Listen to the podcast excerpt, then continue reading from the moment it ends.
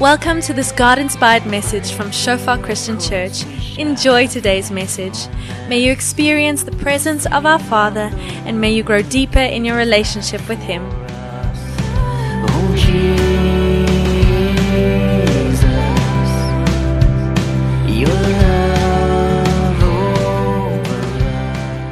Ja Here, dankie dat ons vanoggend net hier voor U kan kom stil raak, Here, en vir U kan kom dankie sê, Here. Dankie vir U Vader se hart, Here. Wat altyd wil kom genees, Here, altyd wil kom leer, Here, altyd wil kom wys, altyd wil kom reghelp, Here, nooit wegstoot nie, Here, altyd nader trek. Ja Here, mag ons dit net besef, Vader.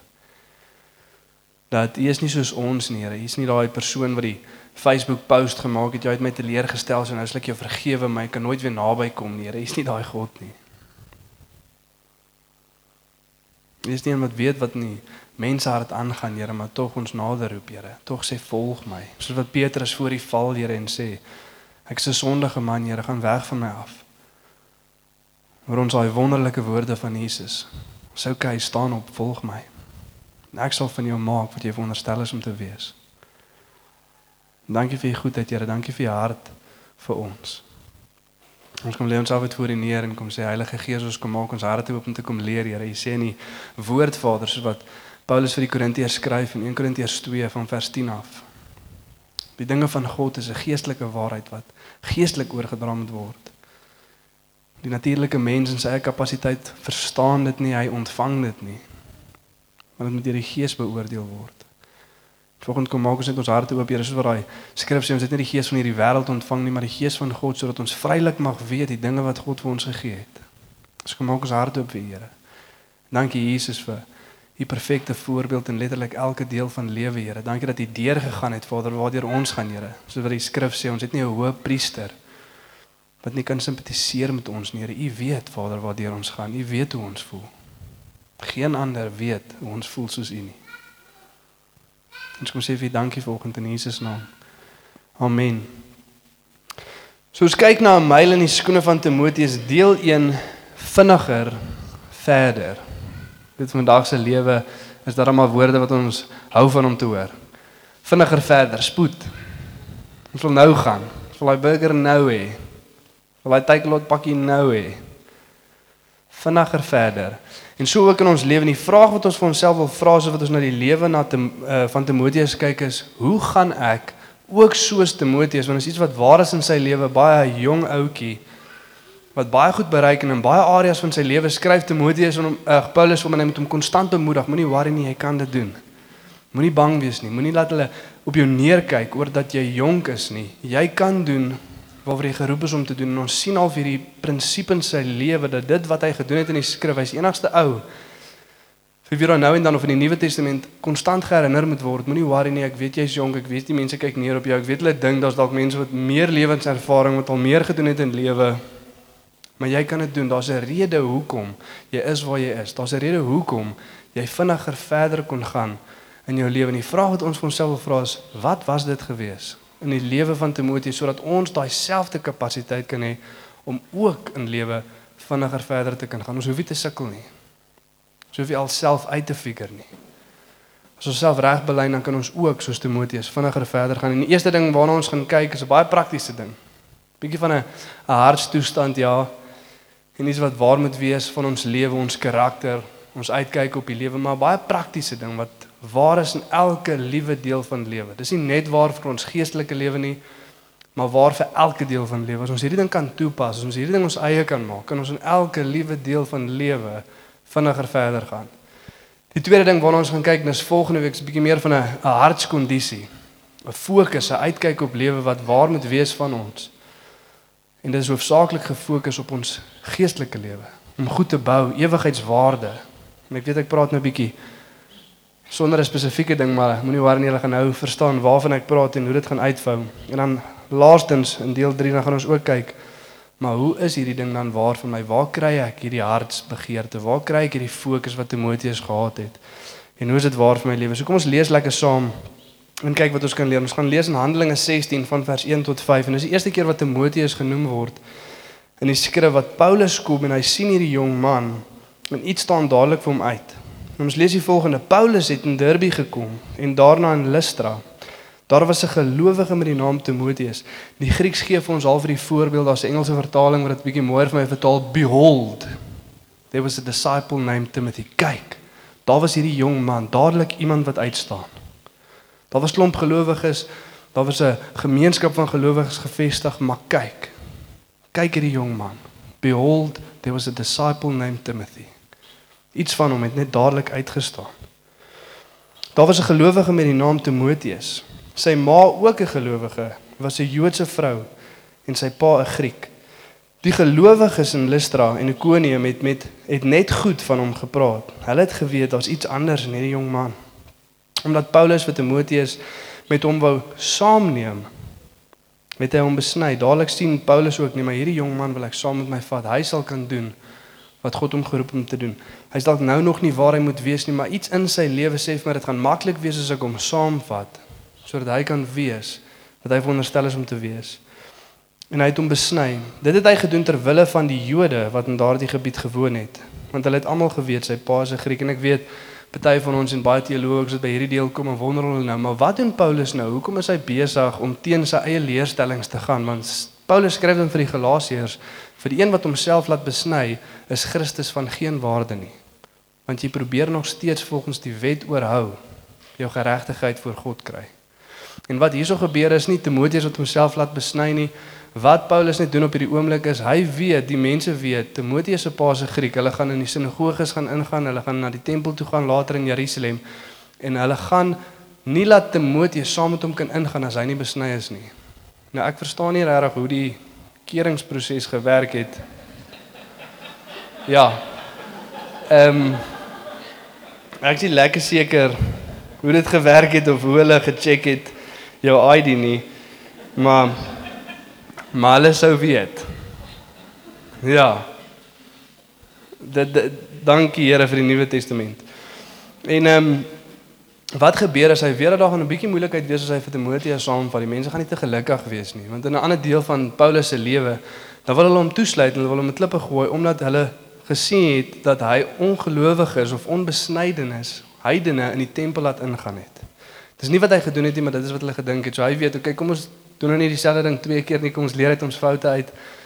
En ons besny vir Timoteus sodat dit net makliker wees wat ons aangaan en hier sien ons ontklaar die opofferings wat Timoteus bereid is om te maak vir die bediening. Maar hom nie vir kien sou wees nie. Maar dan lees ons verder in vers 4 en vers 5. Soos hulle van die stad tot stad gereis het, het hulle die besluit wat die apostels en die ouderlinge in Jerusalem geneem het aan die gelowiges oorgedra en hulle bevel om daarvolgens te handel. Dit was nadat die Heilige Gees op die heidene nasies uitgegiet geword het en die mense het bymekaar gekom en gesê, "Oké, maar hoe moet hierdie mense lewe? Gaan ons ook vir hulle sê hulle moet die hele wet onderhou? Wat gaan gebeur?" Gaan lees dit asseblief, is baie belangrik vir ons om te verstaan in daar waar ons lewe, veral met die Joodse tradisies wat weer begin kop uitsteek en allerhande ja, mense wat allerhande goeders vir mense sê nie, maar hierdie is wat jy moet doen om gered te word. So gaan lees gerus Handelinge 15 en kyk wat is dit die besluit wat hulle dan gemaak het. Maar dis nou wat hulle gaan oordra aan die kerk. Soos die gemeentes in die geloof versterk en die getal gelowiges het by die dag groter geword. Soos wat hulle gedoen het wat hulle gedoen het, het dit begin groei. Maar hierso sien ons in hierdie eerste oomblikke waar Paulus na Timoteus toe kom of hy van Timoteus te hore kom, die mense praat goed van hom, maar dadelik staan Timoteus uit. Daar's iets anders aan hierdie ou en dadelik sê Paulus, "Maar hom wil ek saamneem." Hom wil ek saamneem. Hy gaan vinnig kan groei. Hy gaan kan doen wat die Here hom geroep het om te kan doen. En van Paul, Paulus se mense wat hy al saam met hom geneem het, daar was al risies gekom, daar het al onder onsies gekom. En hier besluit Paulus net maar hierdie ou gaan anders wees. Hierdie gaan 'n gemaklike reis wees. Hier gaan dit werk soos wat dit moet werk. Iets in Timoteus lyk dit vir my anders. En Timoteus kan ons sien as iemand wat dan dit inneem en hy kom op 'n plek waar hy vinniger verder gaan as hy is tot op so 'n punt waar Paulus hom skryf in 1 Timoteus 4 vers 12 en hy sê die volgende: Laat niemand jou jonkheid verag nie, maar wees 'n voorbeeld vir die gelowiges in woord, in wandel, in liefde, in gees, in geloof, in reinheid. Hy sê vir Timoteus, jy's op 'n plek in jou lewe waar mense gaan dink jy's te jonk, jy het nie genoeg ervaring nie, jy gaan dit nie kan doen nie. Hulle gaan verwag dat iemand ouer, iemand met meer ervaring wat al langer geleef het, hierdie rol wat jy besig is om te vertolk of te vervul moet inneem, maar jy gaan dit kan doen. En inteendeel, Jy's op so 'n plek waar jy die voorbeeld gaan kan stel. En jy gaan vir hulle 'n voorbeeld kan wees in woord, die woord van God. In wandel, hoe ons moet lewe, hoe ons moet lief hê. Jy gaan die voorbeeld kan stel en die vraag wat ons vir onsself moet vra is wat is dit? As jy daar waar jy sit, wat dink jy was anders in Timoteus se lewe? Vir die charismatiese kerk wil dalk sê definitief die salwing broer. Moes dit gewees het. En ek sê nie die salwing van God is nie belangrik nie, maar die salwing van God rus op persoon wat 'n sekere sekere karakterseienskap het en ons gaan dit nou sien. Dis die salwing van God. Is dit die gawes? Het Paulus daar aangekom en gesien, "Jesus, hier is hierdie jong mannetjie en hy is heeltyd besig om die mense te leer van God se woord." Daar waar ek hom kry, daar is hy besig om te praat. Jesus het dan maar 'n manier om homself oor te dra. Was dit dit gewees? Was dit sy selfversekerheid? Okay, hierso is 'n ou wat dan maar seker is in homself. Hy verstaan sekerlik sy identiteit. Hiersoos wat iemand wat nie gaan laat ander mense hom boelie of te neerdruk nie. Nee, kyk, hy gaan hy gaan sy man kan staan. En ons weet verseker dat dit was nie die laaste een gewees nie. Want Paulus skryf hom 2 Timoteus 1 vers 7 vers wat ons almal goed ken, sien op die bord om julle kan self dit gaan lees. En dit sê maar God het jou nie 'n gees van vrees gegee nie. Moenie bang wees nie Timoteus, maar van krag, liefde en selfbeheersing. Hy moet hom herinner. Moenie bang wees nie. So soos wat ons deur Timoteus se boeke lees en sien ons dit is 'n man wat nie te vol selfvertroue was nie. Hy moes konstant herinner word. Moenie bang wees nie Timoteus. Jy kan doen wat jy moet doen. Daai selfde hoofstuk vers 8 dan sê dit met jouself nie skaam vir die getuienis van ons Here Jesus Christus en van my sy gevangene nie. So dit is nie daai selfvertroue wat ons baie keer aan dink nie. Jy weet baie keer maak ons daai fout in kerk en ek sommer van my kant af sê jammer. Partykeer sit die mense met die regte karaktereienskappe wat God wil gebruik en ons mis hulle want ons kyk na die een wat die hele tyd praat of jy weet voorkom vol selfvertroue. Sê nee, hierdie ou gaan God gebruik. En dit is baie keer nie so nie. En dan moet ons baie keer die verkeerde mense in die verkeerde plekke sit. Kry mense seer.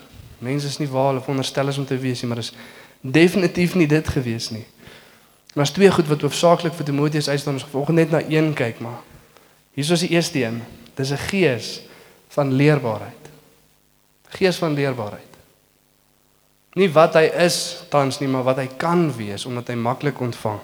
Kyk wat sê die skrif 2 Timoteus 3 vers 10 en vers 14. En Paulus is besig om vir Timoteus te kontrasteer teen die valse leraars. Hy sê daar's valse leraars, mense wat snaakse goedjies kwytraak. Hulle is altyd besig om te leer, maar hulle kom nooit by die waarheid uit nie en hulle dwaasheid sal deur almal gesien word. En in die geloof is hulle onbekwamd. Hulle is mislukkings in die geloof want hulle het nie die gees nie, maar jy Die verskil in jou lewe Timoteus is jy het my navolger geword in leer. Jy het ontvang wat ek sê. Het 'n leerbare gees. Jy het ontvang hoe ek lewe. Selfs my planne en die goeie wat ek gesê het, okay, hierdie is die hierdie is die planne wat ek het sodat ons die kerke kan gaan versterk. Selfs dit het jy nie teengestry nie. Maar gesê ek hoor, kom ons gaan doen dit. 'n Leerbare gees. Geloof, lankmoedigheid, liefde, lydsaamheid. Jy het my navolger geword. Paulus skryf in Korintiërs 11 vers 1, sê op die bord, mense kan dit gaan lees. Wees my navolger soos wat ek 'n navolger van Christus is. Ek leer by God, kom leer by my. Hê 'n leerbare gees. En dan selfs in ons dan vers 14 wat hy weer praat van mense wat mislei word omdat hulle nie die waarheid aandleef nie, omdat hulle nie leerbaar is nie. En sê dit, maar bly jy in wat jy geleer het en waarvan jy verseker is omdat jy weet van wie jy dit geleer het. 'n Leerbare gees en Timoteus kan weet waar hy is en hy kan verder vinniger gaan want hy het 'n Paulus in sy lewe. En altoe daai goed is nodig want baie van ons het die Paulus in ons lewe, ons het nie die leerbare gees nie. Die persoon is daar wat vir ons kan leer, wat vir ons kan wys, maar ons het nie die vermoë om te vra nie. Ons het nie die vermoë om te vra, wys my, leer my, ondersoek my nie. En dan gaan ons nie vinniger verder in lewe nie. Hier sit hom hoog. Hom hoog. Hoe lank het oom vir Sasol gewerk? 41 jaar. En 3 maande. Ek wou sê 41 jaar is te impressive nie, maar die 3 maande maak my moeite werd om hou. Nou as jy in dieselfde rigting as oom Houg by Sasol gaan werk en jy wil iets weet sodat jy vinniger verder kan gaan, gaan vra vir oom Houg. Jy hoef nie te sukkel nie. Oom Houg het gesukkel vir ons. Net jou kom ooglik dan nie so wat sukkel nie. Maar het vinniger verder gegaan, het die vrymoedigheid om te vra sodat ons kan leer. En weet van wie hy dit geleer het. Nie die appie wat nou net begin het nie, maar die ou met 41 jaar en 3 maande se diens. Dat hy jou leer. Want jy weet van wie jy dit ontvang het en daar's een hoofsaaklike plek wat vir ons meer as enige iemand meer as enige ander area in ons lewe 'n plek van leerbaarheid moet wees. 'n Plek waar ons verstaan hoe nodig ons die volgende het. En Paulus skryf jy weet van wie jy dit geleer het, jy het dit van my af geleer, jy het dit van jou ma en van jou ouma af geleer want hulle was ook gelowiges gewees. Maar waar uit hulle jou geleer het en waarin jou vertroue is, is die volgende vers 15 en tot vers 17. En dat jy van kleins af die heilige skrifte ken. Van kleins af Timoteus was hierdie leerbare gees in jou gewees. En jy het geweet wat belangrik is. Kyk klomp van ons was deur allerlei klassies by skool en en en ons het katekisasie gedoen en allerlei goeders en die vraag wat ek vir jou wil vra is hoeveel onthou jy van dit? Die probleem was nie die mense wat jou geleer het nie. Die probleem was jou leerbaarheid om te onthou wat hulle jou geleer het. Belangrike goed en dat jy van kleins af die heilige skrifte ken wat jou wys kan maak tot saligheid deur die geloof in Christus Jesus. Die hele skrif is deur God ingegee en is nuttig tot lering, tot weerlegging, tot teregwysing, tot onderwysing in die geregtigheid sodat mens van God volkome kan wees vir elke goeie werk, volkome toegerus. En Paulus sien okay, hy dalk nou nog nie waar hy moet wees nie, maar Timoteus gaan vinnig kan kom waar hy moet kom want ek kan hom onderrig en hy's leerbaar en ek kan die woord van God vir hom gee sodat hy volkome toegerus kan wees vir elke goeie werk. En die skrif sê daar, die skrif is nuttig, maar vir die persoon wat nie leerbaar is nie, is niks nuttig nie. Maak nie saak die wysheid en die waarheid wat mense na jou toe bring nie. Jy gaan dit eenvoudig nie aanvaar nie. Onvermoë om te luister altyd besig om te praat. En ons kan net nie na mense toe gaan en by hulle gaan sit en ontvang nie. En dit sê daar die skrif is nuttig vir weerlegging, waar eerstens hier, vir teregwysings, waar eerste hier. Die skrif moet my eers teregwys. Moet my eers kom weer lê. Moet my eers kom onderrig. Sodat ek dit vir ander kan gaan doen. En as dit nie waar is hier nie, dan gaan dit nie waar wees deur my lewe nie baie baie belangrik. Ons lees in Jakobus 1:21, nie op die bord nie, maar jy kan dit self gaan lees. En dan skryf Jakobus en dan sê hy: "Ontvang met nederigheid die woord van God wat